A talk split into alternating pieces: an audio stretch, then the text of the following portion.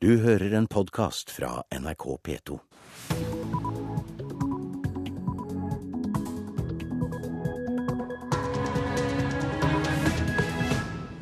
$107 million. It is Charlie's bid against you, Stefan. I shall sell it then for the historic sum of $107 million. Hammer. Sold. Ja, 'Skrik' er altså verdens dyreste maleri, solgt for 107 millioner dollar i natt. Du hører på Nyhetsmorgen, klokka er 6.30, det er torsdag 3. mai, og jeg heter Hege Holm, og vi har også andre saker i dag. Trening reduserer sjansene for hjerteproblemer hos folk flest, sier forsker. Og de fleste av Eliteseriens fotballspillere er ikke gode nok for Drillos landslag.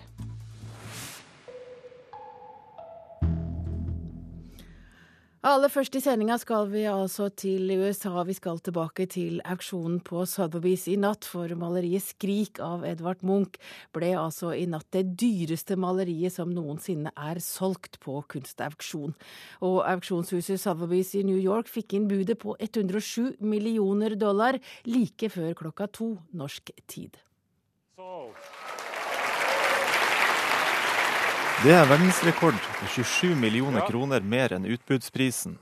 Inkludert provisjoner kommer maleriet opp i svimlende 690 millioner kroner. Det var en anonym budgiver som fikk tilslaget. Den forrige auksjonsrekorden var fra 2010, og da var det et Picasso-maleri som hadde en auksjonspris på 106 millioner dollar. Philip Hook ved auksjonsfirmaet Sotheby's sa på forhånd at Skriks berømmelse gjør det til det viktigste maleriet auksjonsfirmaet noensinne har tilbudt. Og det sa reporter Ole Marius Rørstad. Stein Olav Henriksen, direktør for Munchmuseet, han var også til stede på auksjonen. Det var jo fantastisk eh, å oppleve stemningen i rommet. Og jeg må jo si som, eh, som en som har jobbet mye med, med scenekunst og teater, at det er jo litt av en dramaturgi i en eh, sånn eh, opplevelse. Så det var utrolig spennende, syns jeg. Eh, Hva var det som gjorde det spennende? Nei, det er jo timingen her, det er jo stemningen i salen. Det er selvfølgelig også hva som skjer med tallene. Hvordan hvordan skal vi si, innsatsen stiger og stiger, og, og at det tar tid, ikke sant. Og at det er mange på banen. Altså, det, er, det er mange sider ved det, synes jeg, som gjør at dette er eh, en spennende opplevelse. Skrik er blitt historisk her i New York. Det er det dyreste kunstverket som er solgt på en auksjon. Nå håper Munch-museet at eh, det vil gi en smitteeffekt ved at eh, mange turister kommer til eh, Munch-året neste år.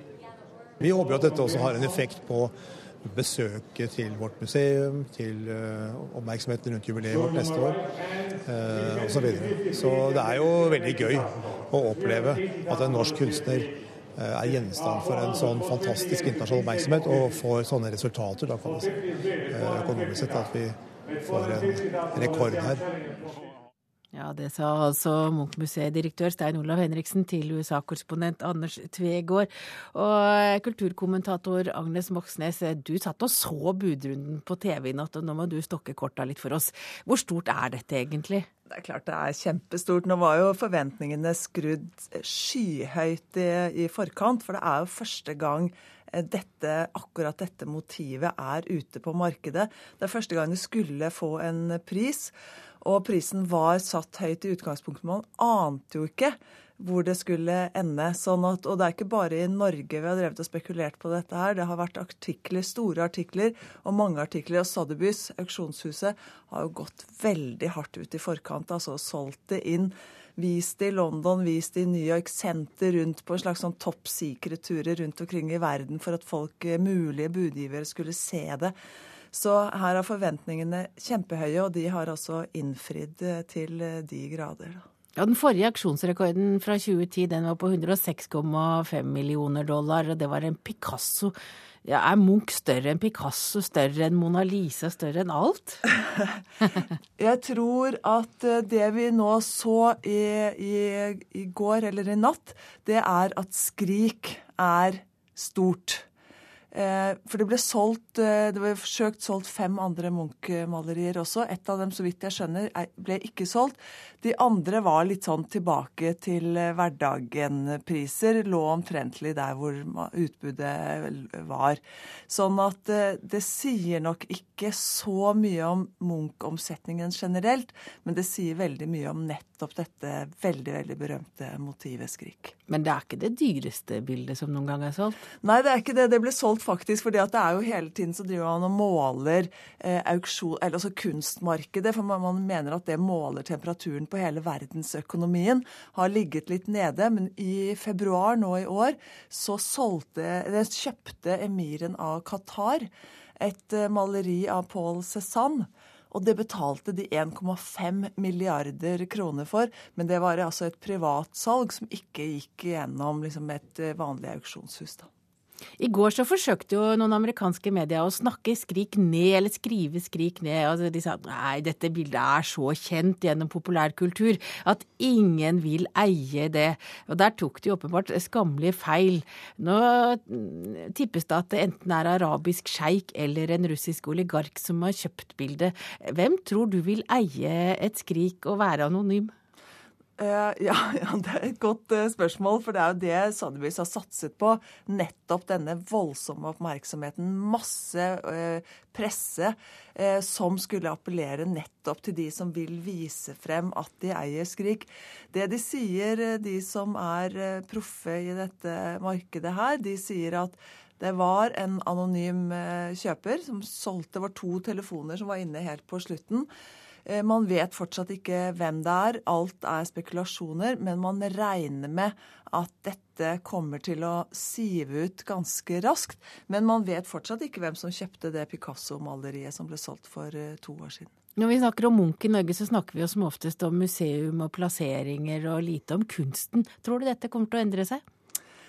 Det som er interessant, det er jo at dette er jo på en måte toppen av et fantastisk år for Edvard Munch. Han satte publikumsrekord i Paris, han har satt publikumsrekord i Frankfurt.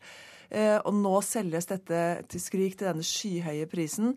Neste år er det 150 år siden han ble født. Forventningene til hva som skal skje med, i forbindelse med 150-årsjubileet, er nå skrudd helt til topps. Takk til deg, kulturkommentator her i NRK, Agnes Moxnes. Det skal bli lettere å reservere seg mot reklame på Facebook. Alle de nordiske forbrukerombudene er nå blitt enige om at vanlige markedsføringsregler også skal gjelde på Facebook og andre sosiale medier. Det synes tenåringsgutter Dagsnytt møtte i går kveld var veldig bra. Søsteren min som er elleve år, hun hadde Facebook en stund. Og da kom sånn kondomerier og hun spør hva er det her, hva er vibrator og ikke sant. 16- og 17-åringene på Blindern har alle sett upassende reklame på Facebook. Akkurat som nå så er det jo 11- og 10-åringer som har Facebook blant annet.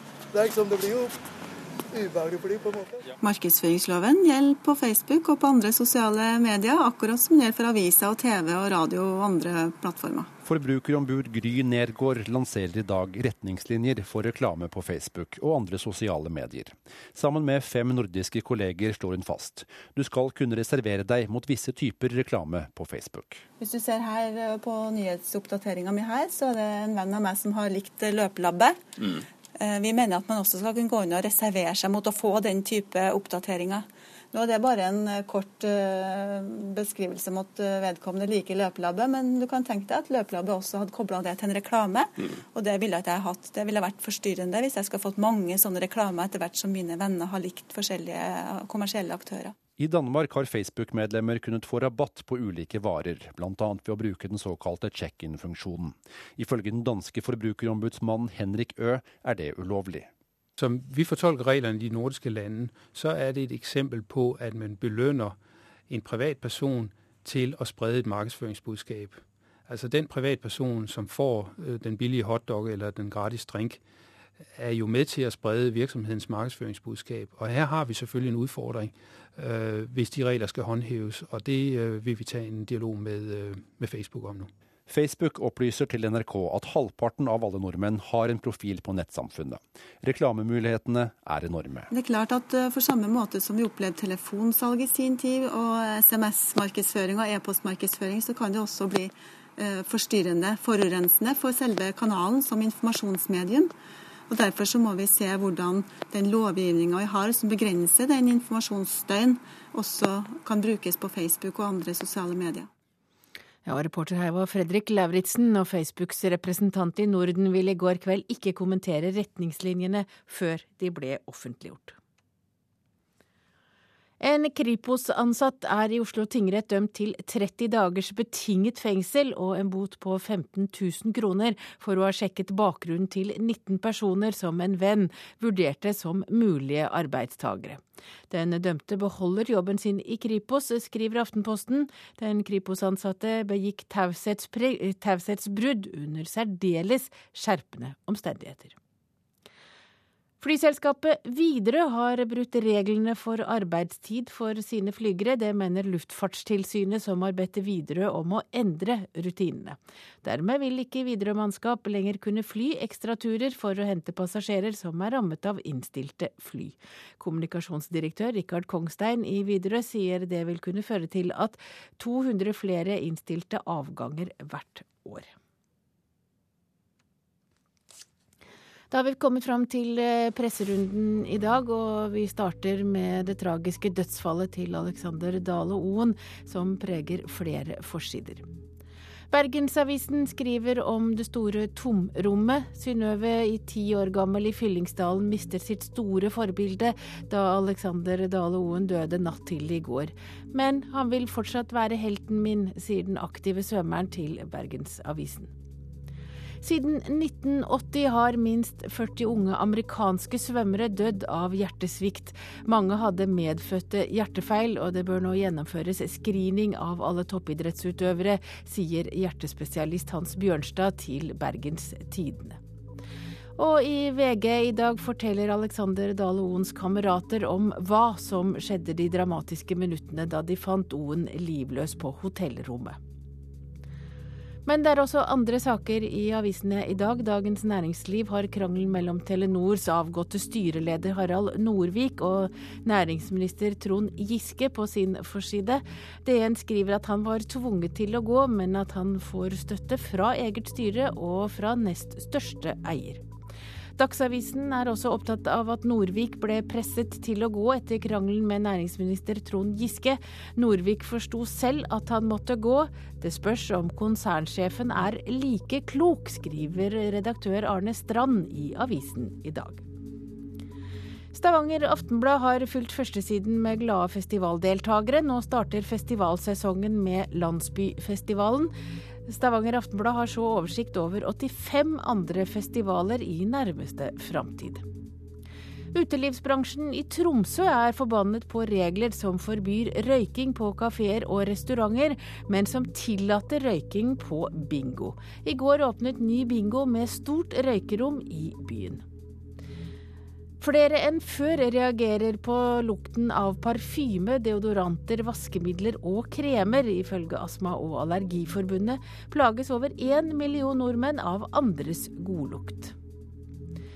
Det er ikke lønnsomt å bygge ut superbredbånd i distriktene, slår en ny rapport fast. Bedrifter som er avhengig av dekning fortviler, sier Ken Rune Bekkeli i Salax til Nasjonen.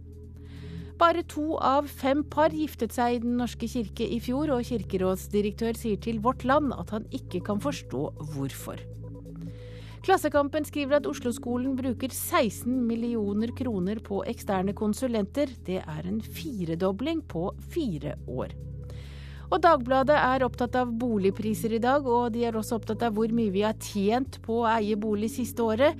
Du sitter på en formue, er avisens glade melding til alle som eier egen bolig.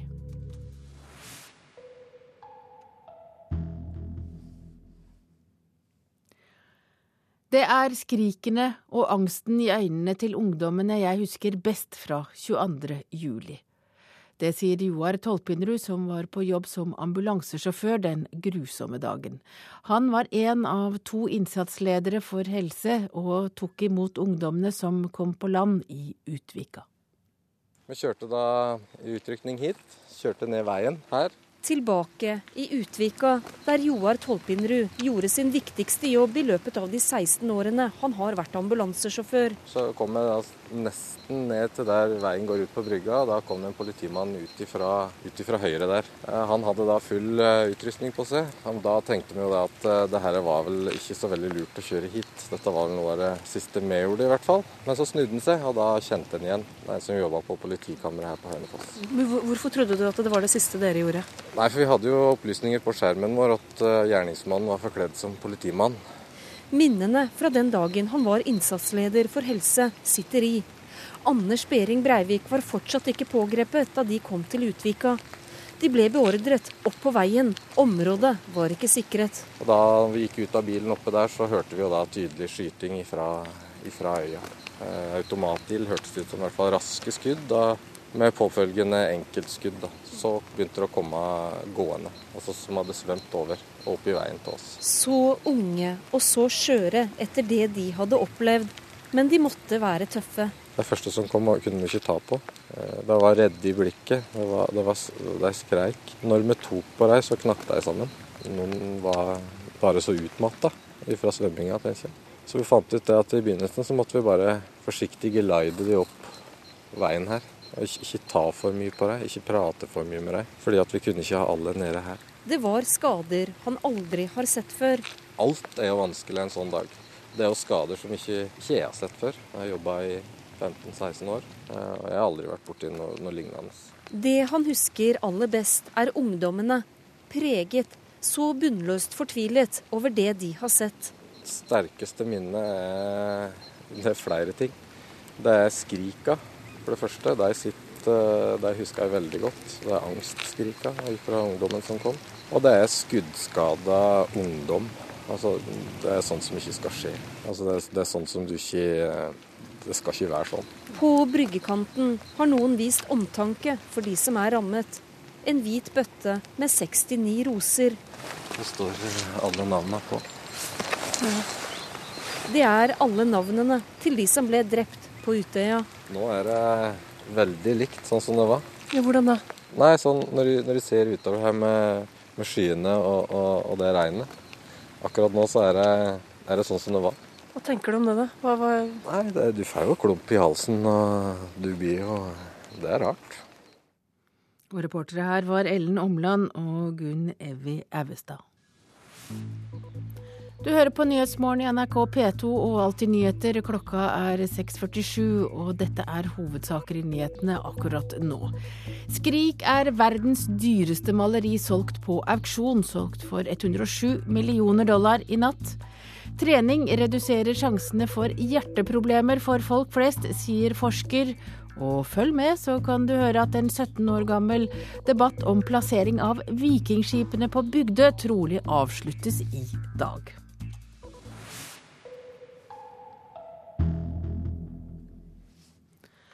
Trening minker sjansene for hjerteproblemer hos de fleste av oss. Det hevder Folkehelseinstituttet i kjølvannet av bortgangen til svømmeren Alexander Dale Oen.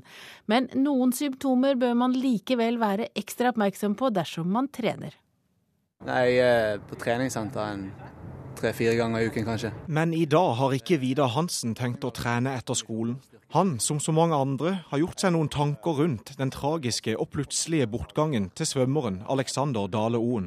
Ja, Du begynner å lure på om det, om det er så sunt at du presser deg altfor hardt. At uh, du sliter på kroppen hvis du overdriver.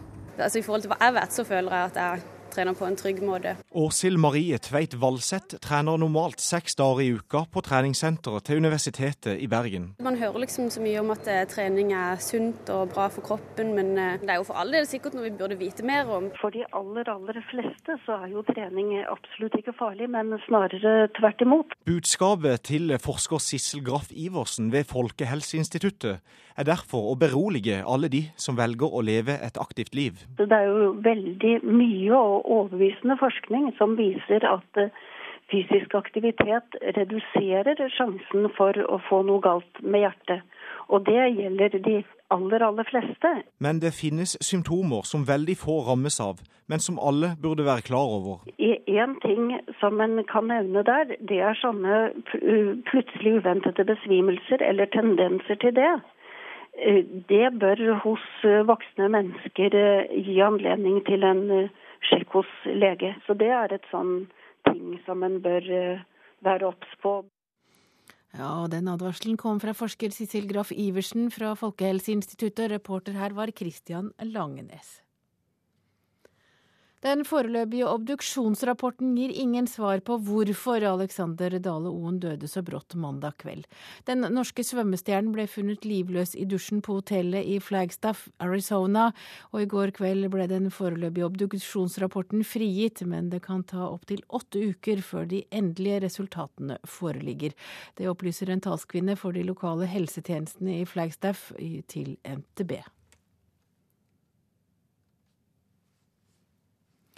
Så skal vi snakke sport, og vi skal snakke fotball, for Egil Drillo Olsen har ikke inkludert mange hjemlige spillere i landslagstroppen mot England og Kroatia. Sesongstarten i Eliteserien har ikke imponert Drillo. Nei, Det sier seg sjøl, det. Til bedre kvalitet det er på den norske tippeligaen, til bedre er det for det norske landslaget. Det henger sammen. Landslagssjefen har ikke latt seg imponere av de seks første serierundene i Eliteserien. Nei, Det er jo liten forskjell så langt da, på, på laga. Det er liten forskjell på bånn og, og, topp. og Det gjør jo at serien kan bli spennende, men kvaliteten eh, går vel an å være litt bekymra over. Derfor er det ikke mange eliteseriespillere som kan forvente seg en telefon fra Drillo i nærmeste fremtid. Og Det kan jo hende at det dukker opp spillere her hjemme i Norge òg som, eh, som, kan ta det steget, som gjør at vi har flere å velge mellom. Men akkurat nå så, så ser det ikke så veldig positivt ut. Kan du si noen navn? Jeg jo, nevnte jo her i stad en Alexander Søderlund som eh, ser ut til å være på, på vei eh, i, i, god form igjen og har vært nyttig for Haugesund så langt. Og er en spiller med kvaliteter som vi mangler litt av. Ja, du sa jo også at uh, dere kan hente inn spillere som er i form, utenom uh, Søderlund. Hvilke andre kan vi kanskje vente på? Ja, Du får ikke noen flere navn nå, men uh, en formspiller eller to til kan hende at vi tar inn før englandskampen. Ja, og så kryptisk var Drillo til reporter Mario Torres. Nå skal vi snakke om noe du kanskje aldri har hørt om før, for hvordan kan man kurere folks avhengighet av oljen? Nå er det startet ei samtalegruppe, eller samtaleterapigruppe, som fokuserer på denne problematikken. Gruppa kalles Anonyme petroholikere. Hei, jeg heter Vidar. Hei, Vidar. Og jeg er petroholiker. Jeg heter Rebekka. Hei, Rebekka. For aller første gang er jeg med på en gruppeterapitime. I lag med nærmere 20 andre sitter jeg i ring inne på et møterom på Rådstua i Tromsø. Hei, jeg heter Bjørn. Hei, Bjørn. Og jeg er som de fleste her, Det er utrolig. Sjøl hviler jeg hodet i handa mens jeg spent lurer på hva jeg egentlig har i vente den neste timen. Vi driver ikke med noen moralske pekefingre på disse møtene her. Vi, og ofte så forteller vi eh, at vi har eksempel har en liten sprekk. Eksempel i dag så, så, var det like før jeg satt på en, en, en annen hotellgjest som hadde bil med hit. For jeg hadde det litt travelt og var litt seint ute. Og så plutselig så glemte jeg litt av at et av mine mål det halvåret her, det er jo det å ikke kjøre bil. Anonyme petroholikere ble starta på Helgeland i 2009 i regi av kunstnerkollektivet Kunstrevyen. Samtalegruppa er mynta på dem som er avhengig av oljen, forteller Vibeke Steinsholm og Ragnhild Lie. Vi lever i en nasjon som er oljeavhengig, uansett hvordan man snur og vender på det. Så det er for å lage det, ta den eh, problematikken som det òg er, ned på et personlig plan. Og så gjøre det i en form der folk kan komme i en eh, dialog rundt det, da, som er et uh, problem for veldig mange. Altså, vi opplever det at uh, for noen så er det her uh, noe alle altså, Noen tenker at det her vet vi, ikke, dere forteller oss ingenting nytt. Men så møter vi også veldig mye oppegående folk som sier herregud, jeg har ikke trodd at det var så innmari. Og jeg tror at vi i Norge, mange av oss, er egentlig ikke klar over hvor avhengig vi er, da. Kan du beskrive en petroholiker? Det er egentlig en god nordmann.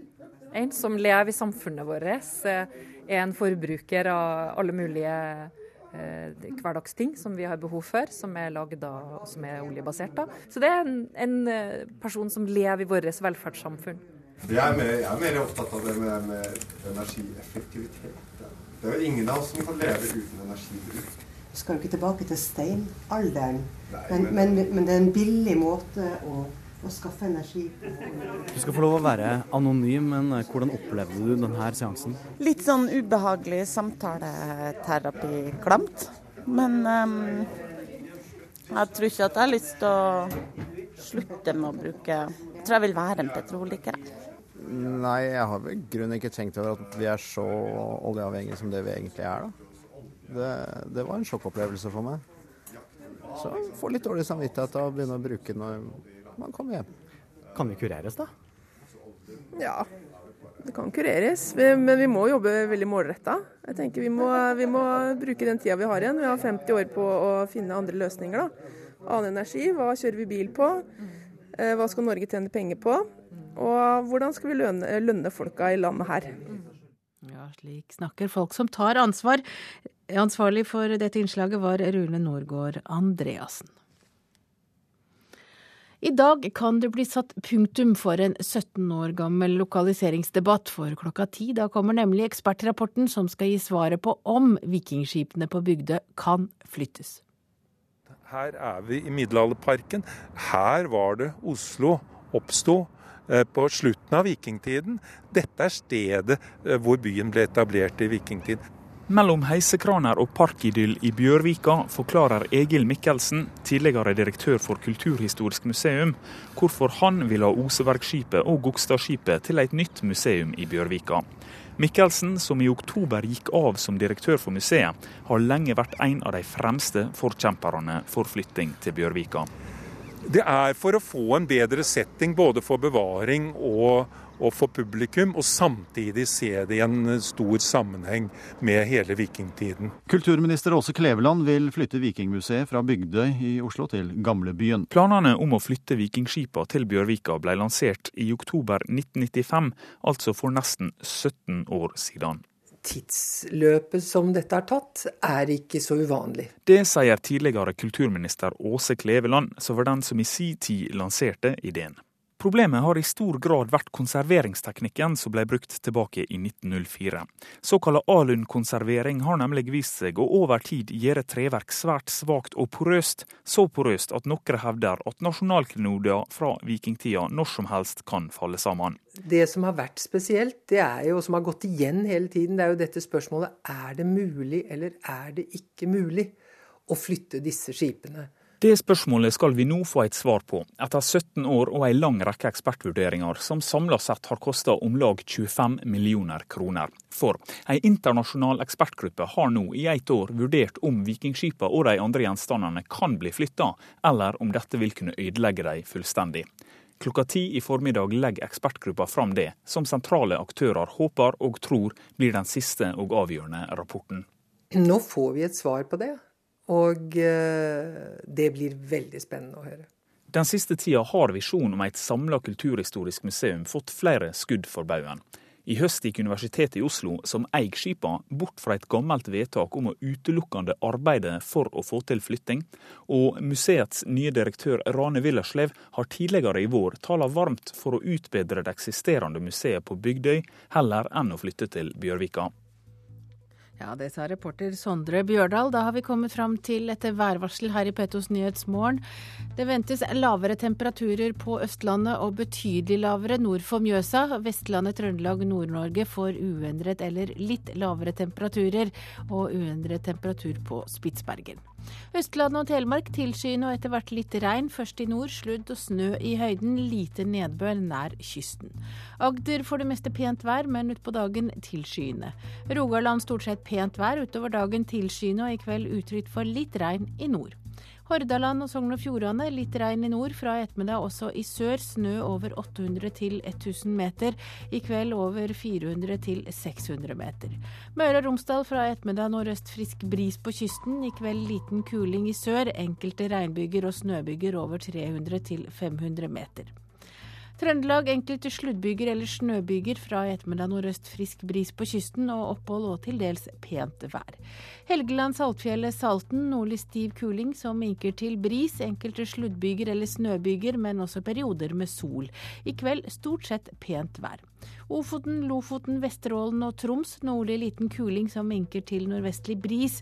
Enkelte sluddbyger og snøbyger, men også perioder med sol.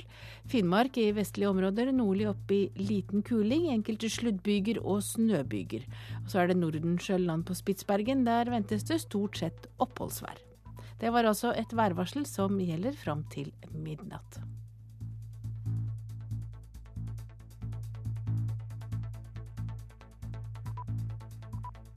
Du hører en podkast fra NRK P2.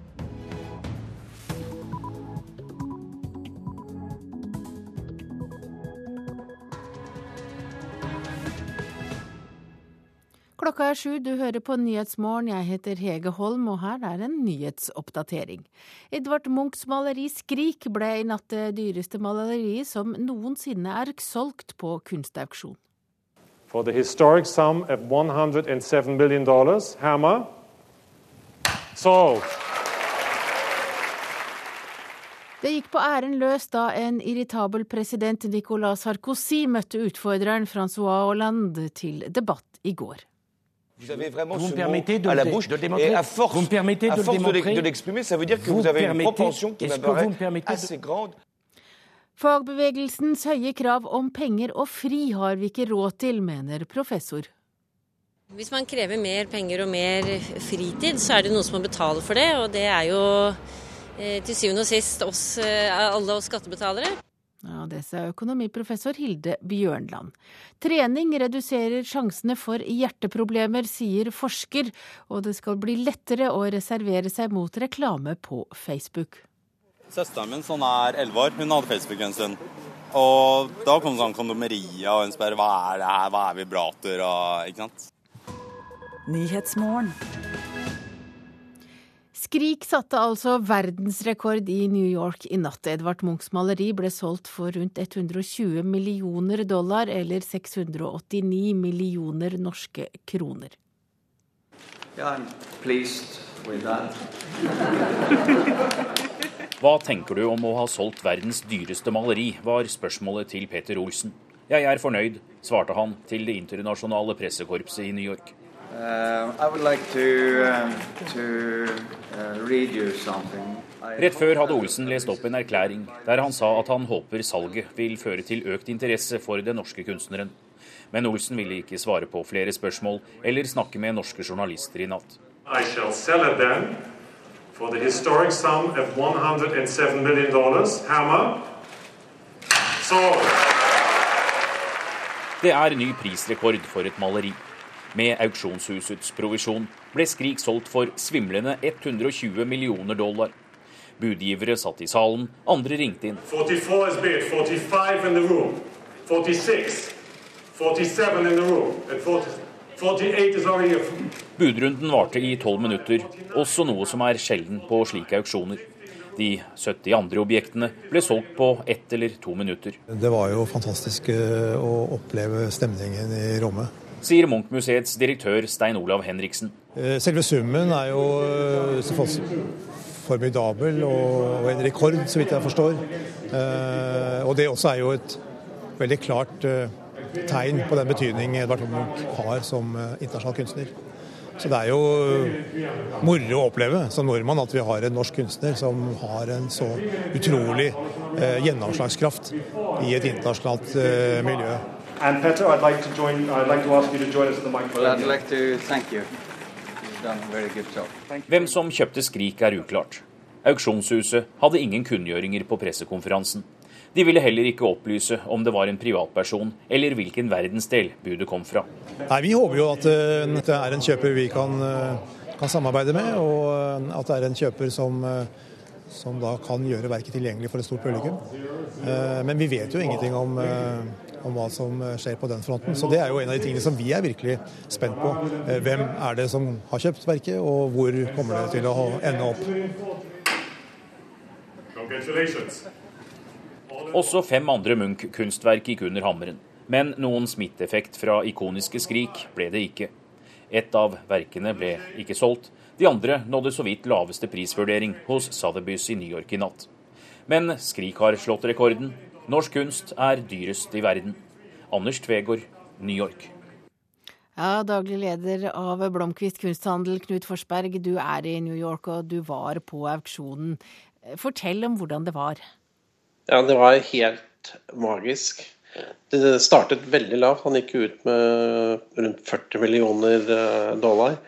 Og det var ganske langt under det Sotheby's selv hadde sagt de hadde håpet å få, som var rundt 80 millioner dollar.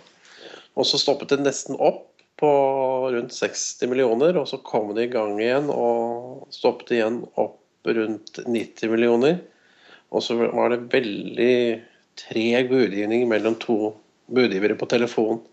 Fra rundt 90 opp til disse 107 millioner.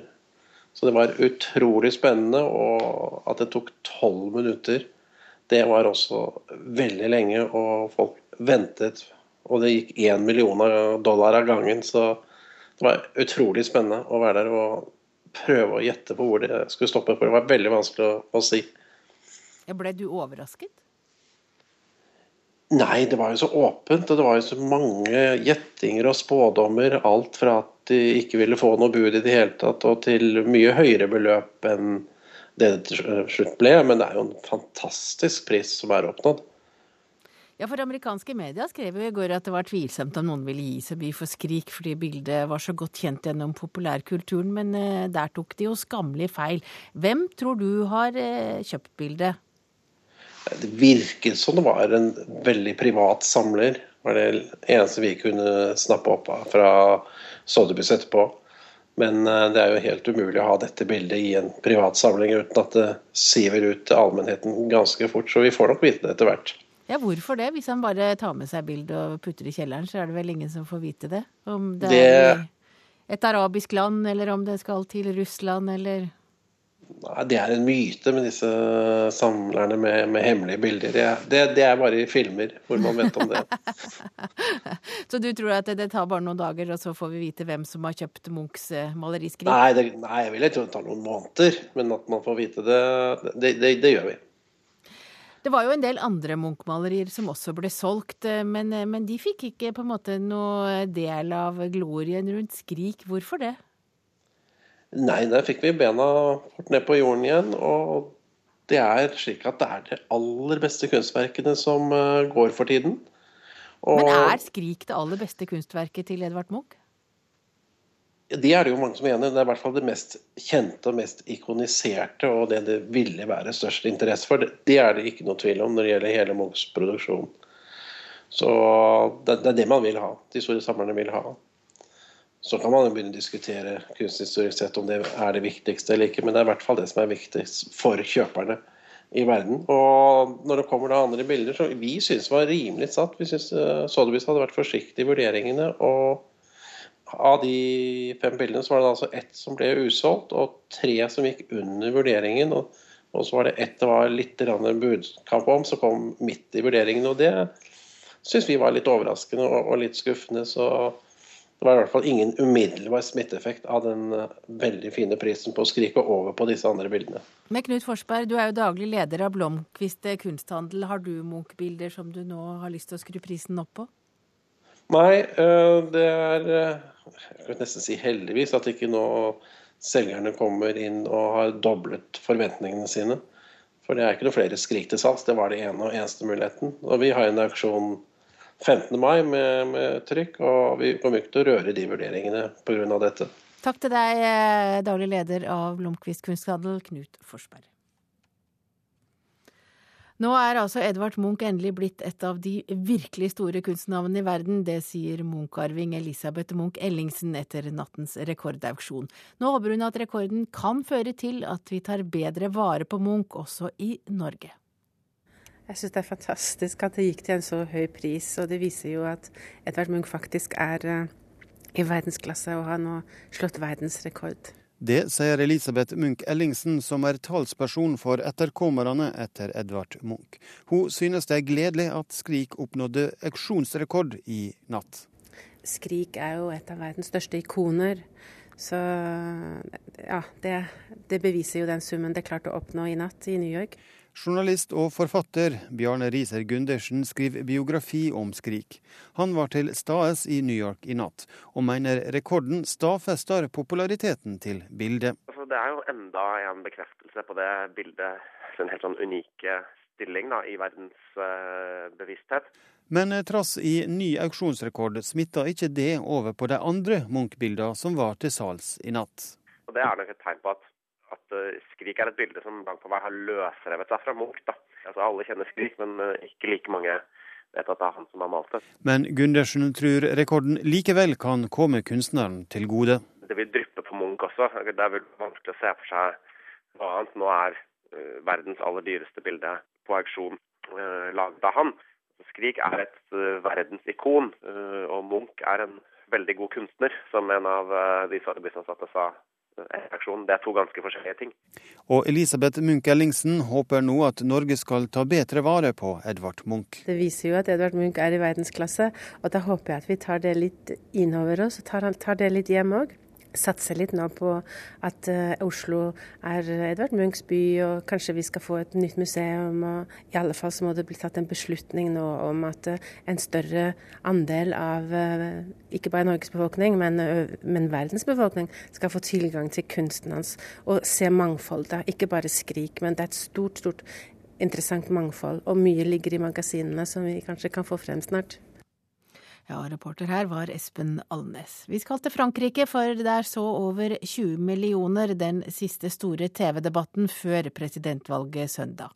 De to hovedkandidatene Nicolas Sarkozy og Francois Hollande utvekslet fornærmelser.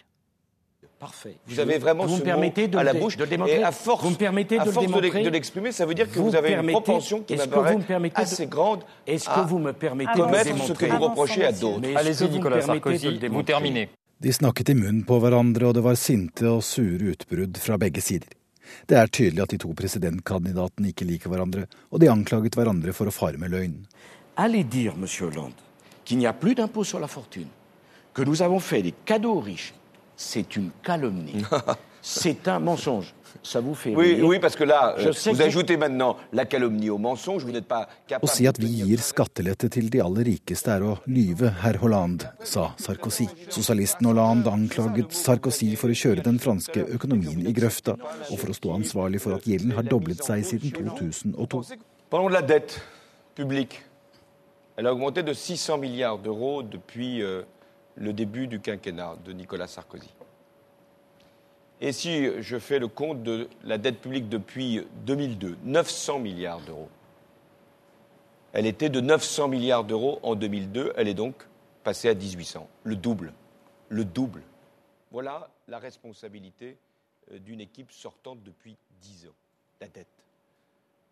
Sarkozy svarte at Hollande lyver og at sosialistenes politikk vil være uansvarlig for landet. Det ble ingen knockout-seier til noen av kandidatene i TV-debatten, som minst 20 millioner franskmenn fulgte sent i går kveld. Sittende president Sarkozy sliter og ligger bak på målingene foran søndagens siste valgrunde. Dette er ikke et valg mellom meg eller Hollande, sa Sarkozy til slutt, men et spørsmål om framtiden for våre barn, sa Sarkozy i den tre timer lange debatten. Og det sa reporter Øyvind Nyborg. Og europakorrespondent Hege Moe Eriksen, eh, har du, lest, du har lest avisen i dag, og, og hvem er det som får best karakter etter den debatten? Ja, som det sies her, så var det kanskje ingen klar vinner, men, eh, men det er en tendens til at analytikere mener at uh, rival og utfordrer sosialistkandidat Francois Hollande kanskje kom best ut. Dette var jo debatten alle hadde ventet på. En reell styrkeprøve mellom de to kandidatene, president Nicolas Sarkozy og eh, sosialistkandidat Francois Hollande. Og de, de viste seg kamplystne og utålmodige de vet jo begge at det er svært mye som, eh, som, står på spill. Men det var en debatt som ofte endte i kjekling og munnhuggeri, hvor man da anklaget hverandre for å være både løgner og bakvasker. Eh, og det som de fleste sier, er at eh, Sarkozy aldri helt klarte å få overtaket på Hollande. Slik at det er nok Hollande som, som han var favoritt til før debatten, og man mener at han fortsatt er favoritt til å vinne valget. Men hva er egentlig de store temaene i valgkampen? Ja, De store temaene er selvfølgelig krisa i Frankrike og i Europa. Og så er det også temaer som innvandring og sikkerhet, eh, som tradisjonelt er temaer som, eh, som står Sarkozy nær, som står høyest på dagsorden. Eh, I debatten i går så hadde jo de to kandidatene også helt klart store agendaer. President Sarkozy prøvde å vise at Hollande ikke har politikken som trengs for å føre Frankrike ut av krisa, mens Hollande borer boret inn i Sarkozys svake punkter som president. At han anklages for å være splittende og arrogant. Og at han i løpet av sine fem år som president da ikke har særlig gode resultater eh, å vise til. Hvordan går det på søndag? Ja, Det ser mørkt ut for Sarkozy. Han ligger jo nå under på meningsmålingene på en rundt 46,5 eh, mens eh, Francois Hollande har rundt 53,5 slik at foreløpig så har eh, Francois Hollande en, en klar, et klart forsprang. Tradisjonelt så pleier jo denne TV-debatten, som er eh, mer et dramaturgisk høydepunkt, eh, den pleier ikke å ha særlig å si i forhold til å bevege velgerne. fordi tradisjonelt så har da eh, rundt 80% av velgerne her i Frankrike bestemt seg nå. Det er bare fire dager igjen til valget. Men denne gangen så er det en ukjent faktor. Det er de seks millioner velgerne som stemte på ytre høyre og Marine Le Pen under første valgrunde. Det alle lurer på, er hvem de kommer til å støtte i andre valgomgang. Om de kommer til å støtte høyrekandidaten president Nicolas Sarkozy, slik han nå jobber iherdig for å få til. Det virker som han ikke klarer helt å samle velgerne på ytre høyre, eh, og at han dermed ligger an til, foreløpig i hvert fall, å tape valget på søndag. Takk til deg, europakorrespondent Hege Mo Eriksen. Klokka er 16 minutter over sju. Du hører på Nyhetsmorgen i NRK P2. Dette er hovedsaker akkurat nå. Verdens dyreste maleri solgt på auksjon, 'Skrik', ble altså solgt for 107 millioner dollar i natt. Fagbevegelsens høye krav om penger og fri har vi ikke råd til, mener professor, og følg oss videre. AUF-eren som ble lurt av Anders Behring Breivik slik at terroristen kom seg over til Utøya 22.07, møter massemorderen i rettssalen i dag.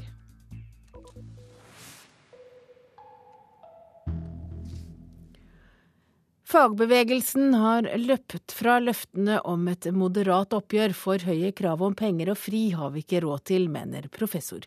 I vinter manet fagbevegelsen til et solidarisk oppgjør, men nå, midt i oppgjøret, blir kravene større og større for hver dag som går. Og Da skal selvsagt vi legge til grunn et fornuftig oppgjør.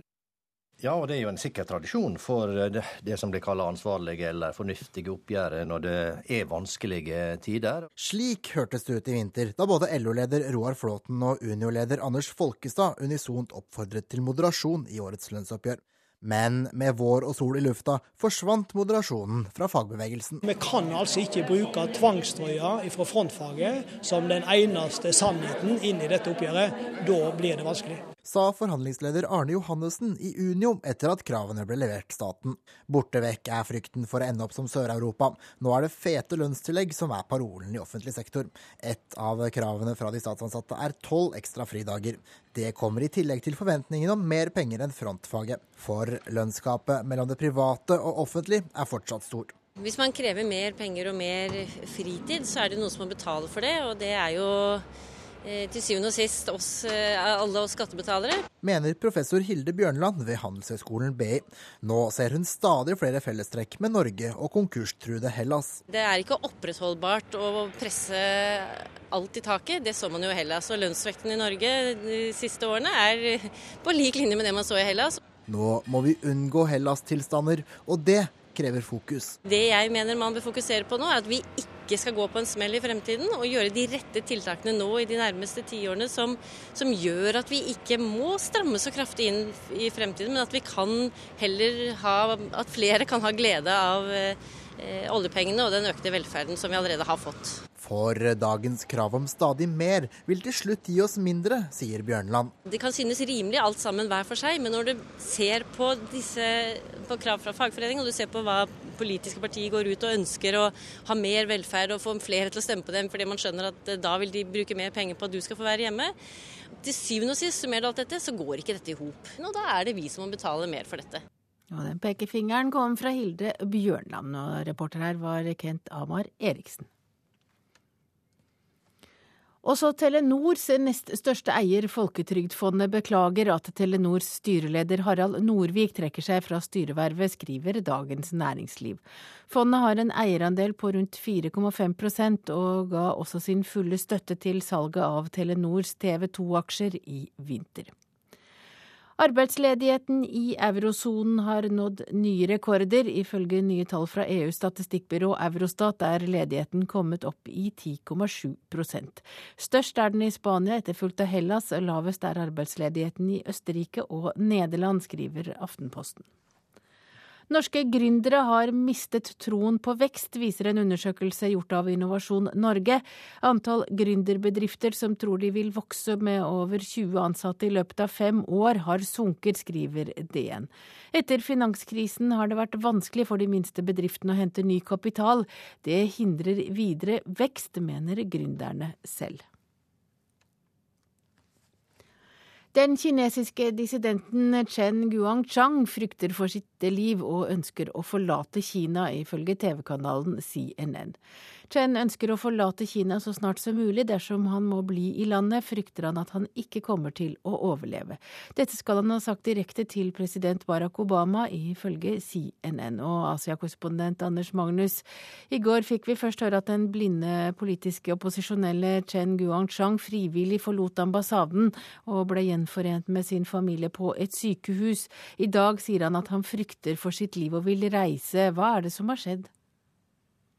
Jeg tror først og fremst eh, det som har skjedd, er at han har fått høre veldig dårlige nyheter fra kona si, som forteller hvordan hun har opplevd de siste dagene i hjembyen deres. Eh, der de, har de jo vært eh, satt i husarrest, hele familien, i 19 måneder. Og nå ble det enda verre etter at Chen klarte å flykte. Politisikkerhetspolitiet rykket inn i huset. De satte opp elektrisk gjerde rundt huset Eh, overvåkningskameraer inne i huset. De eh, bandt henne fast i en stol, så hun måtte sitte der i to dager. Og kom med truet henne med svære stokker og sa at de ville banke henne opp hvis ikke mannen forlot ambassaden i Beijing. Eh, den amerikanske ambassaden. Og alt dette fikk Chen høre etterpå. og da skjønte han nok at de eh, garantiene han hadde fått fra kinesiske myndigheter, trolig ikke er verdt noen ting. fordi som regel så er jo ikke slike garantier verdt så mye i Kina. Man kan si én ting, og neste dag så bryter man det. Og eh, myndighetene gjør eh, akkurat som de vil, uansett hva slags avtale man har inngått. Og de bryter jo også sine egne lover hele tiden. Chen hadde jo aldri gjort noe ulovlig. Ja, hvorfor blir han behandlet av myndighetene som en farlig kriminell? Det er fordi han har eh, forsøkt å ta opp eh, fattigfolks eh, problemer, i dette tilfellet med tvungne seinaborter og tvungen sterilisering, som eh, myndighetene i denne hjemprovinsen hans har, har, gjennomført overfor eh, mange tusen kvinner. Og så har han eh, hjulpet dem med, juridiske råd. Han er selvlært jurist. Og, og, dette var en torn i øyet på de lokale partipampene, som fikk han satt i fengsel på helt andre anklager. For det er jo ikke ulovlig heller i Kina å hjelpe folk med juridisk råd. Så de anklaget ham for å ha laget en trafikkforstyrrelse og satte han i fengsel i fire år før det. For det, og så etterpå eh, nesten to år i, eh, i eh, fangenskap i sitt eget hjem, noe de absolutt ikke har noe som helst rett til å gjøre, heller ikke i forhold til kinesisk lov. Så det er alle som eh, sier noe mot eh, kommunistpartiets eh, ledelse, de er farlige folk i Kina, mener eh, myndighetene her. Takk til deg, Asia-korrespondent Anders Magnus.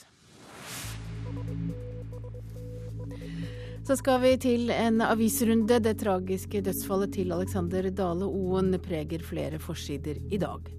Bergensavisen skriver om det tomme, store tomrommet Synnøve, ti år i Fyllingsdalen, mistet sitt store forbilde da Alexander Dale Oen døde.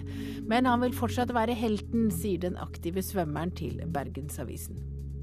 Siden 1980 har minst 40 unge amerikanske svømmere dødd av hjertesvikt. Mange hadde medfødte hjertefeil. Det bør gjennomføres en screening av alle toppidrettsutøvere, sier hjertespesialist Hans Bjørnstad til BT.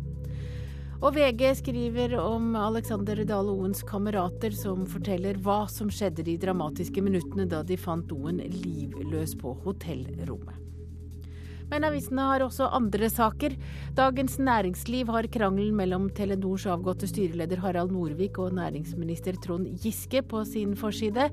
DN skriver at Norvik var tvunget til å gå, men at han får støtte fra eget styre og nest største eier. Dagsavisen er også opptatt av at Norvik ble presset til å gå, men eh, Norvik forsto selv at han måtte gå. Det spørs om konsernsjefen er like klok, skriver redaktør Arne Strand i Dagsavisen i dag. Stavanger Aftenblad har fylt førstesiden med glade festivaldeltakere. Nå starter festivalsesongen med Landsbyfestivalen. Stavanger Aftenblad har oversikt over 85 andre festivaler i nærmeste framtid. Og i Tromsø er utelivsbransjen forbannet på regler som forbyr røyking på kafeer og restauranter, men tillater røyking på bingo. I går åpnet ny bingo med stort røykerom i Tromsø. Flere enn før reagerer på duften av parfyme, deodoranter, vaskemidler og kremer. Ifølge Astma- og Allergiforbundet plages over én million nordmenn av andres godlukt, skriver Aftenposten. Det er ikke lønnsomt å bygge ut superbredbånd i distriktene, det slår ny rapport fast. Bedrifter som er avhengig av dekning fortviler, sier Ken Rune Bekkeli i Salax til Nasjonen. Bare to av fem par giftet seg i Den norske kirke i fjor. Kirkerådsdirektør sier til Vårt Land at han ikke kan forstå hvorfor. Klassekampen skriver at Oslo-skolen bruker 16 millioner kroner på eksterne konsulenter. Det er en firedobling på fire år. Og Dagbladet er opptatt av boligprisene og hvor mye vi har tjent på å eie bolig siste året. Du sitter på en formue, er avisens gladmelding til alle som eier sin egen bolig.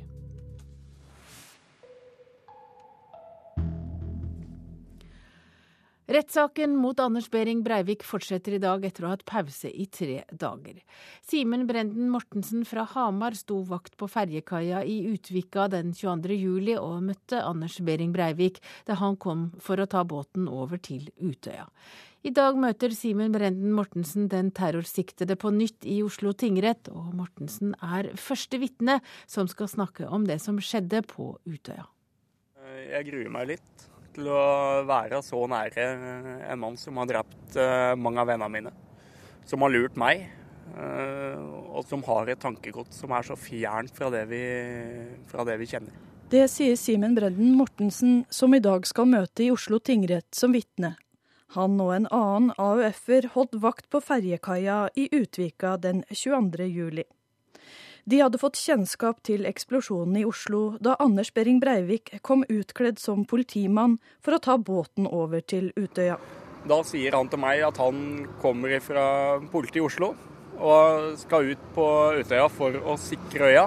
Så spør han på et tidspunkt om, om legitimasjon, og får da se en, et kort som han har hengende rundt halsen. Så jeg hadde ingen grunn da til å tvile på det. Så sier han da at han skal over. Eh, og be meg om å kalle opp båten. Så det, det, gjør jeg. Og dermed fører båten Torbjørn den tungt bevæpna terrortiltalte over til Utøya.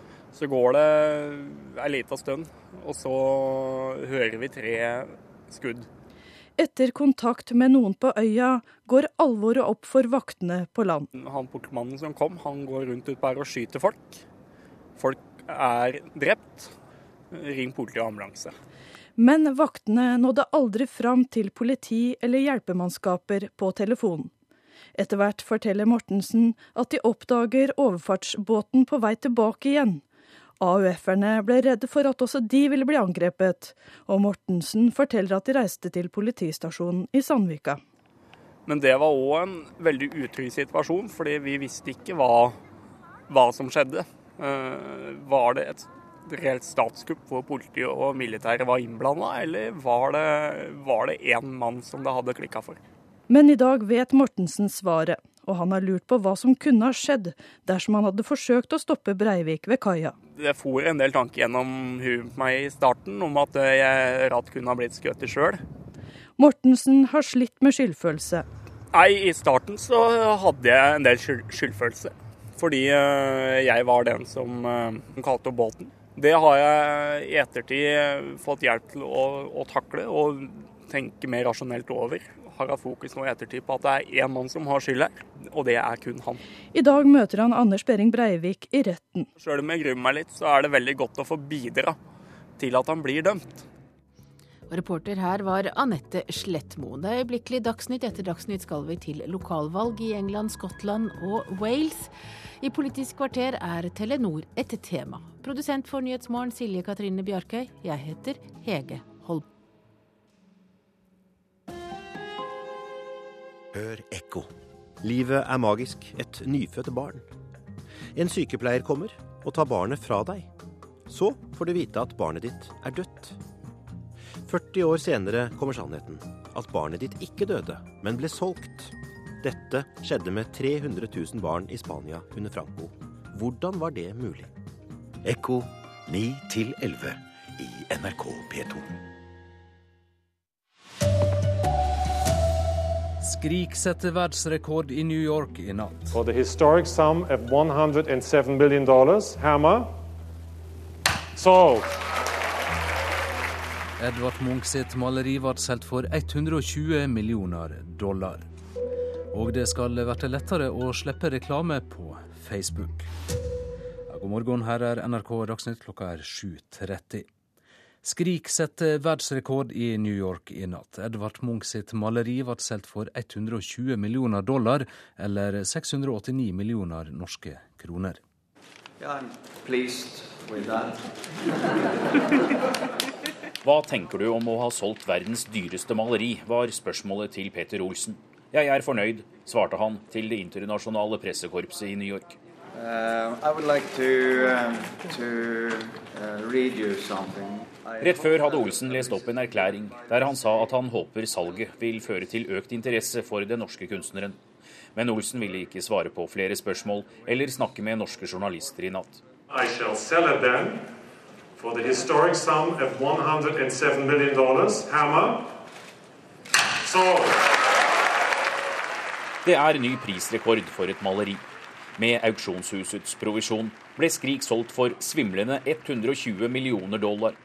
Budgivere satt i salen, andre ringte inn. 44 is bid, 45 in the room, 46, 47 in the room, and 40, 48 is already a Budrunden varte i tolv minutter, også noe som er sjelden på slike auksjoner.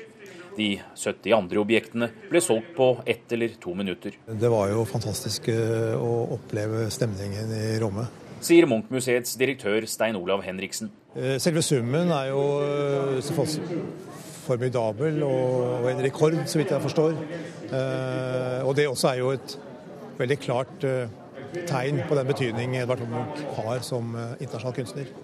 Så det er jo moro å oppleve som nordmann at vi har en norsk kunstner som har en så utrolig eh, gjennomslagskraft i et internasjonalt eh, miljø.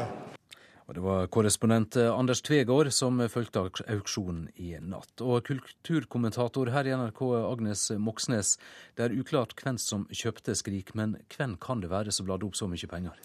Altså da det hadde gått elleve minutter av den auksjonen i natt, så var det to budgivere som var igjen, og de bød på telefon. Eh, sånn at eh, det, var helt umulig å avsløre hvem det var, eh, sånn i forhold til hvem som satt i salen. Vi vet ikke hvem det var. Det er blitt spekulert Midtøsten, det er spekulert Russland. Nå er Midtøsten visstnok avkreftet. Men her kommer ryktene til å gå voldsomt heftig i dagene og månedene fremover. Men skal, du skal ikke vise frem bildet ditt mange ganger før noen begynner å fortelle at, hvem det er som eier Skrik. Det er jo et kjent bilde. Men det som er sikkert, det er at 'Skrik' av Edvard Munch er det dyreste maleriet som noen gang er solgt på en kunstauksjon. Og hvor stort er dette?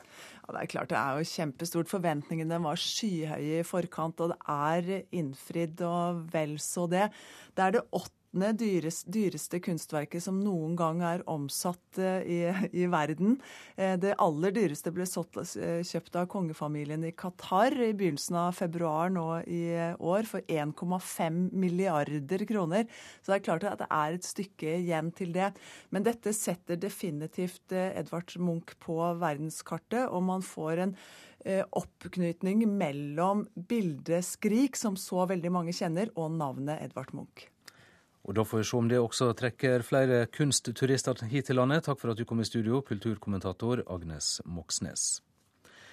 Det skal bli lettere å reservere seg mot reklame på Facebook. Alle de nordiske forbrukerombudene er samlet om at vanlige markedsføringsregler også skal gjelde på Facebook og andre sosiale medium.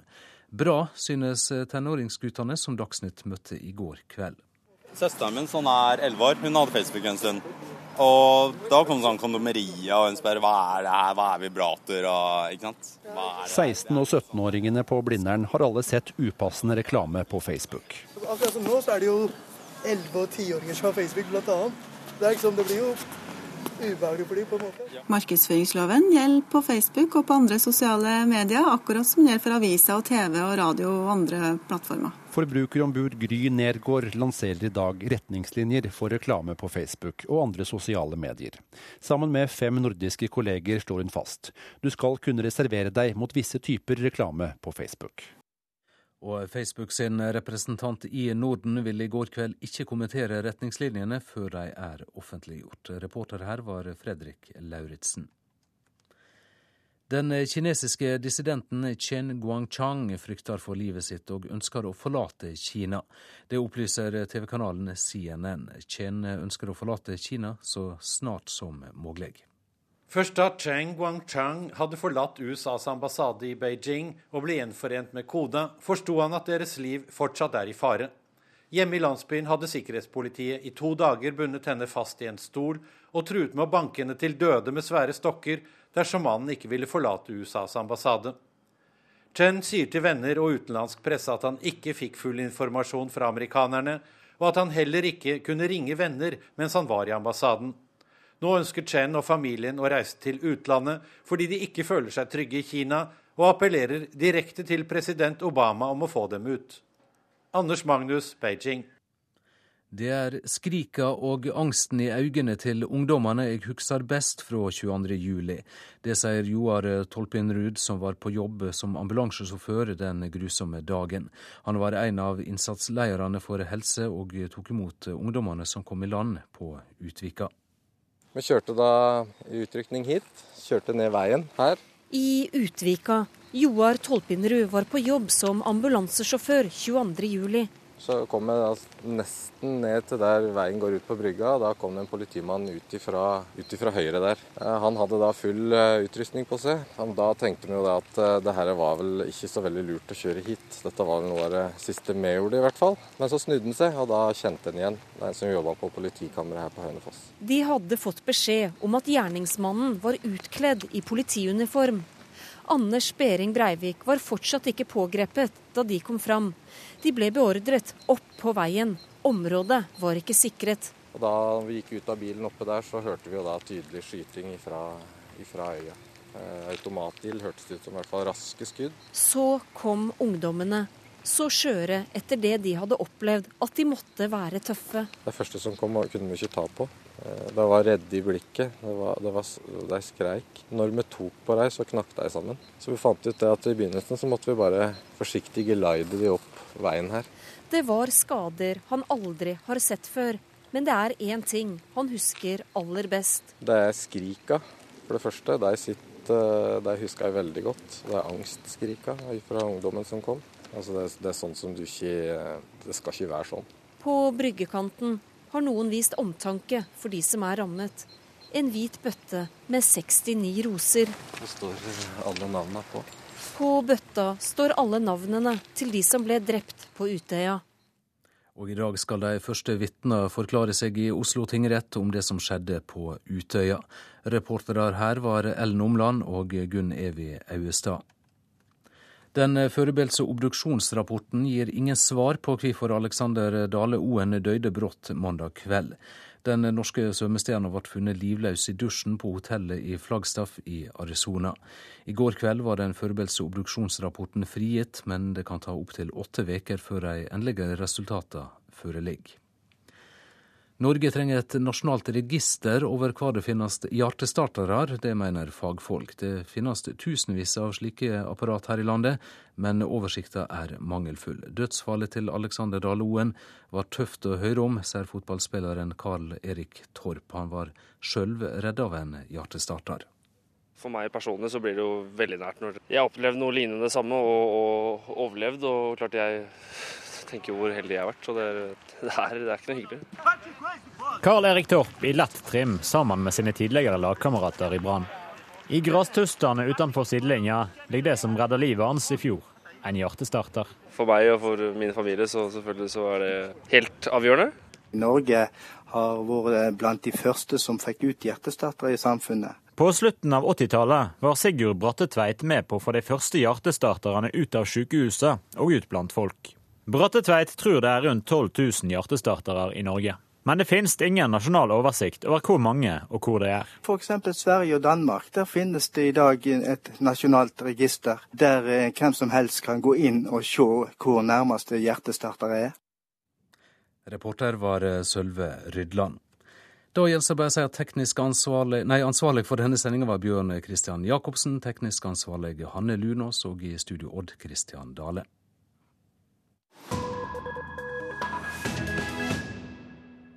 Klokka er ti over halv åtte. Du hører på P2s Nyhetsmorgen, og nå skal vi til England, Skottland og Wales, for der er det nemlig lokalvalg i dag. Og Det ventes at velgerne kommer til å straffe det konservative regjeringspartiet, som har måttet tåle mye kritikk de siste dagene. Men i London ser det ut til at den konservative og svært så fargerike Boris Johnson kan få fornyet tillit som borgermester. Boris. Boris, Boris probably. Togstasjonen i morgenrushet er det Boris som får flest stemmer, ikke Ken. Men alle er på fornavn med de to hovedrivalene.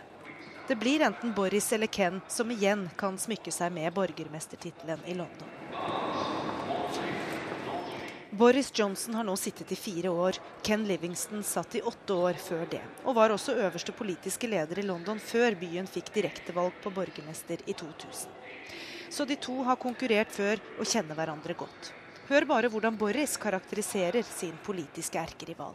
I see a risk that City Hall will be recaptured by a bunch of semi-reformed Trotskyists and car-hating, Hugo Chavez idolizing, newt-fancying, tax-dodging, tax-dodging, banker-bashing hypocrites and bendy bus fetishists.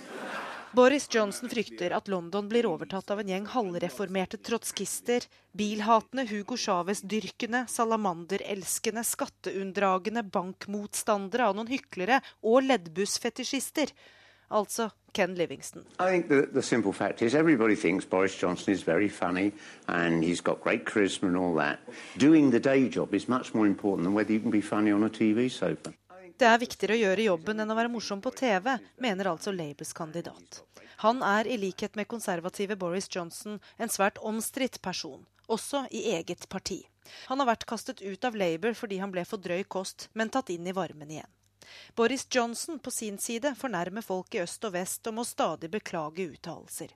Han kritiserer ofte egen regjering, men folk ser ut til å like ham. På siste meningsmåling lå han hele 12 prosentpoeng foran rivalen, etter det som til nå har vært en jevn innspurt mellom de to.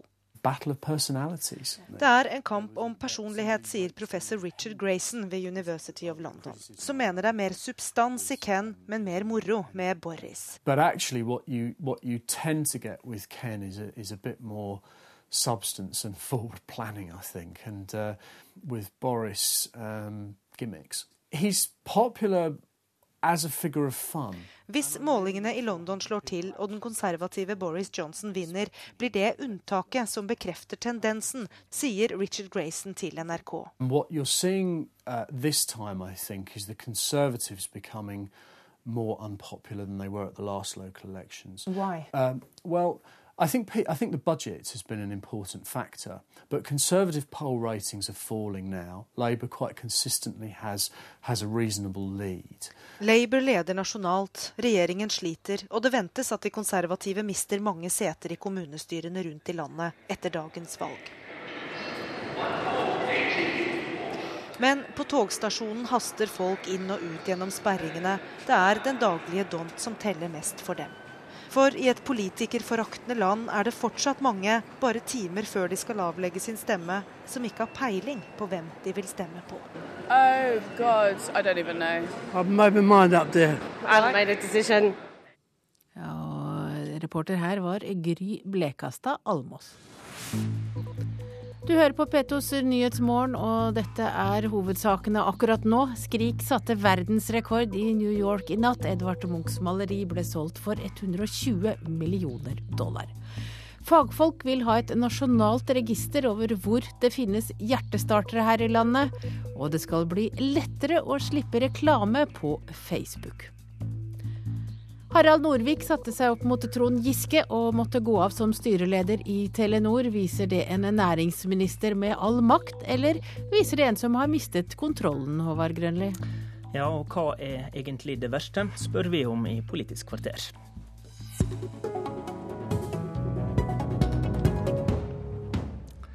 Først et lite tilbakeblikk. I januar var Telenors styreleder Harald Norvik kraftig irritert på næringsminister Trond Giske. Telenor ville selge sin eierpost i TV 2 til danskene, men gjennom SMS-er og møte ga Giske Norvik klare meldinger om at regjeringa mente det ikke burde skje mens statsministeren understreka at dette var ei sak der Telenor-styret sto fritt. Krangelen ble offentlig og eskalerte på en pressekonferanse 13.1, da Harald Norvik fortalte detaljert om det han kalte utilbørlig press fra Giske.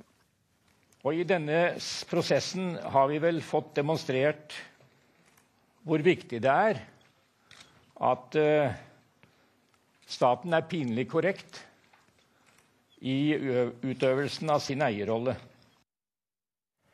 I går fikk Norvik vite at han ikke lenger har statens tillit som styreleder, og han går av.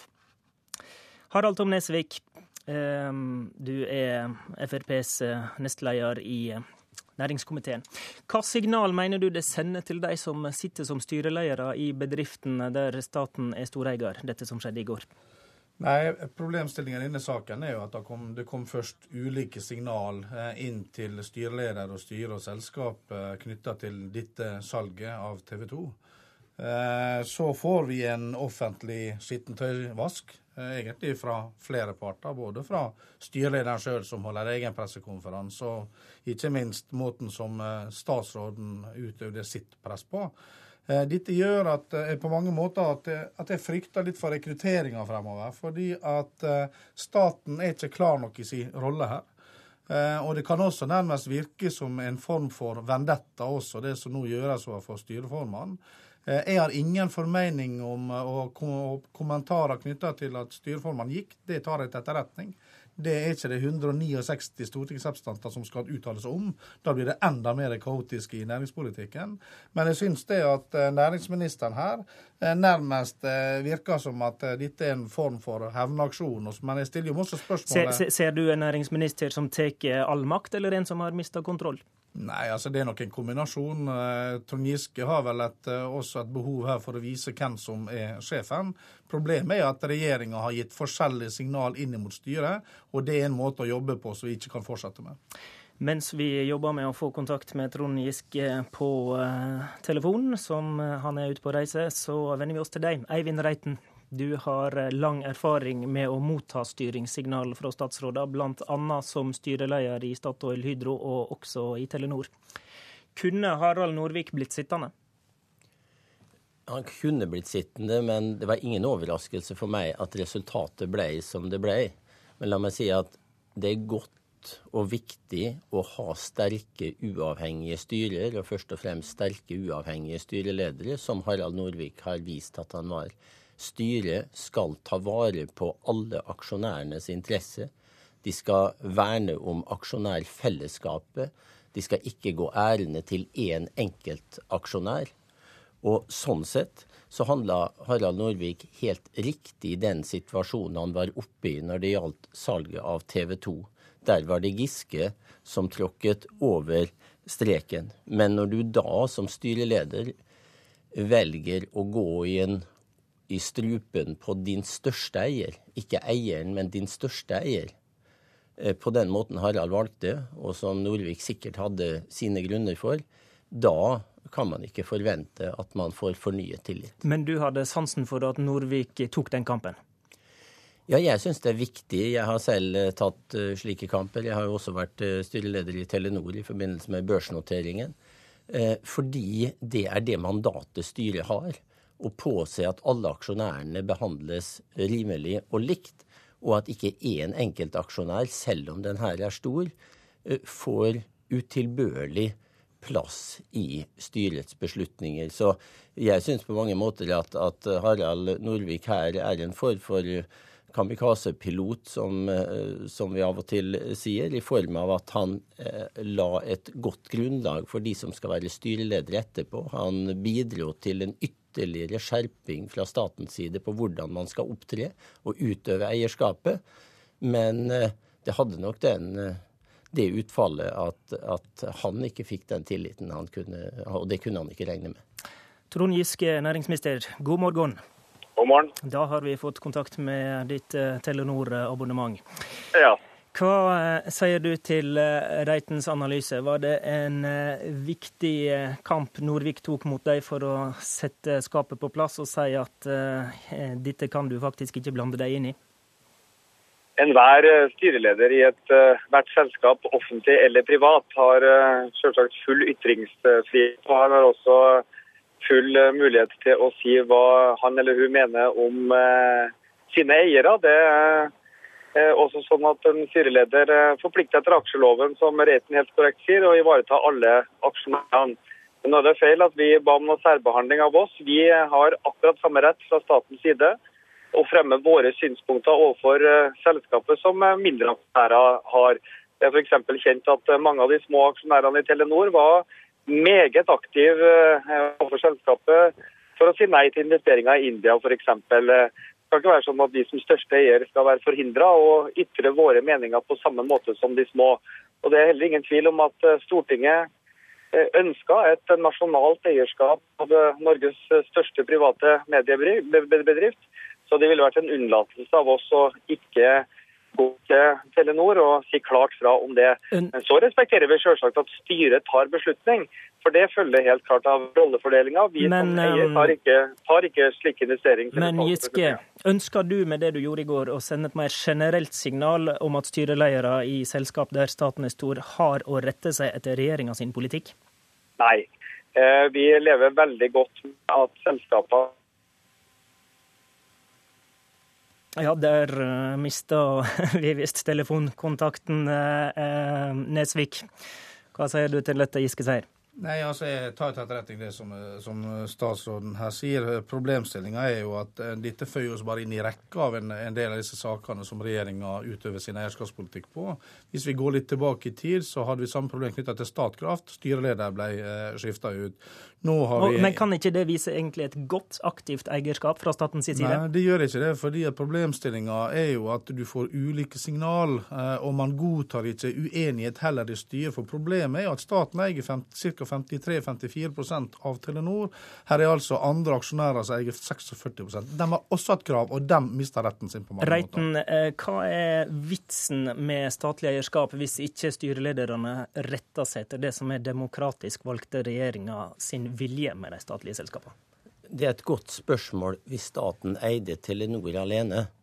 Fordi da kunne staten bruke Telenor til det redskapet de ville, også kulturpolitisk når staten velger den fordelen det er å dele eierskapet med aksjemarkedet, så må staten rette seg etter de spillereglene som ikke bare aksjemarkedet har satt opp, men som regjeringer på regjeringer har skrevet fyldige stortingsmeldinger om. Det tror jeg de fleste er enige om, at konsekvensen av noe annet er helt uhåndterlig, og ingen vil ønske å fortsette å eie sammen med staten. Og så skal det sies, staten har blitt mye bedre, mye mer disiplinert over årene. Og den feiden vi hadde her mellom Telenor og næringsministeren, tror jeg bare bidrar til at det blir enda vanskeligere neste gang for næringsminister eller andre å sende den form for SMS-signaler. Det er bra. Ja, Hva sier du om det, Giske? Har du eh, paradoksalt nok redusert ditt eget handlingsrom i framtida her nå? Nei, vi kommer til å utøve et eh, aktivt eierskap hvor vi kommer til å ha nær dialog med selskapene. men også respektere at styret i siste instans bestemmer. Og Spørsmålet som vi ble avbrutt på, det var at selvsagt kan selskapene ta konklusjoner som er annerledes enn det eh, vi ønsker. og Veldig mange saker har vi heller ikke gjort oss opp en oppfatning. Eh, det må vi leve med. Og Det var aldri slik at vi mente at Telenor skulle beholde TV 2-eierskapet i strid med sine kommersielle interesser. Tvert imot viser vel også de tallene som har kommet i ettertid, at TV 2 er et selskap som går svært godt, bortimot en halv milliard i overskudd sist gang det ble rapportert. Men, men både, Nesvik, Riske, både Nesvik og Reiten peker på et problem for framtida her, bl.a. med at du kan få problemer med å rekruttere de beste lederne. Hva sier du til det? Ja, Vi har ingen problemer i de valgkomiteene som vi deltar i, i hvert fall når vi rekrutterer styremedlemmer til våre selskaper, og få ja. Tvert imot eh, så er jo eh, Telenor, Hydro, Yara, eh, Statkraft noen av de mest attraktive selskapene å sitte i styrene i. Brukbart honorert er det også, så det har jeg ingen tro på blir noe problem. Nesvik, til slutt, hva er den videre betydninga av denne saka som fikk sin ende i går? Nei, det er at, eh, at, staten eh, her viser at man vil bruke makt, og ikke nødvendigvis eh, kløkt. At, at styreformer måtte gå av, til etterretning, det er det bedriftsforsamlinga sin oppgave å, å, gjøre, ikke Stortinget.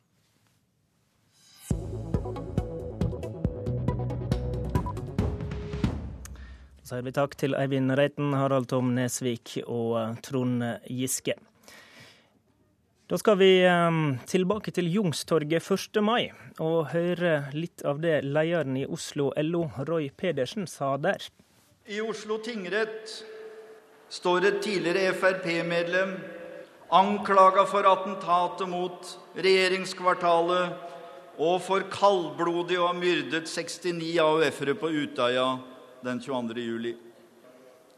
Gjerningsmannen har klare politiske motiver og er etter vår mening en nyfascist. Ingen er enig i handlingen, men altfor mange deler en eller flere av hans ideer. Leder i Oslo LO, Roy Pedersen, nå er du med oss eh, her i studio. For mange deler drapsmannens ideer, sier du. Tror du noen av disse ideene er å finne i Frp?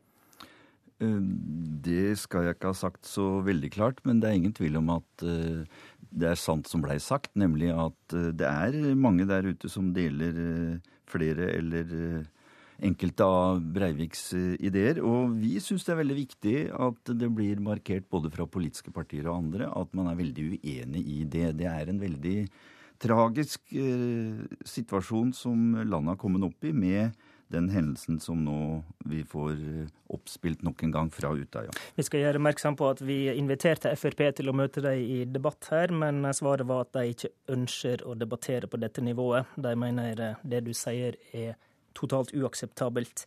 Eh, eh. hva ville du oppnå med å omtale Anders Behring Breivik som et tidligere Frp-medlem framfor mange tusen på Youngstorget? Det var kanskje ment som en saksopplysning, men jeg har lyst til å si at begge deler isolert sett er jo riktig, men selvfølgelig den ja, kobling... Ja, for når du satt og skrev manus her, så ja. valgte du jo å bruke eh, orda tidligere Frp-medlem for å mm. beskrive han, og mm. da mener du vel det er sentralt, da?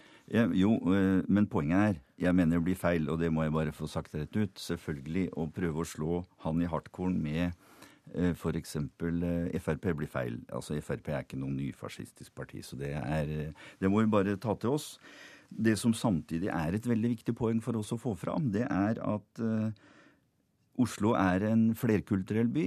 Det må vi ta hensyn til, både i forhold til hvordan vi fremmer tiltak, men også i forhold til hvordan vi prøver å løse de utfordringene som en, en, en sånn sammensatt gruppe som Oslos befolkning er blitt. Og der er kanskje mer hovedskillet mellom oss og Frp, at vi søker å finne løsninger på mer samfunnsmessige tiltak, mens eh, kanskje Frp er mer opptatt av at det er individet som må rydde opp sjøl. Men er det en sammenheng mellom FrPs synspunkt på det og terroristens handlinger? Nei, slett ikke.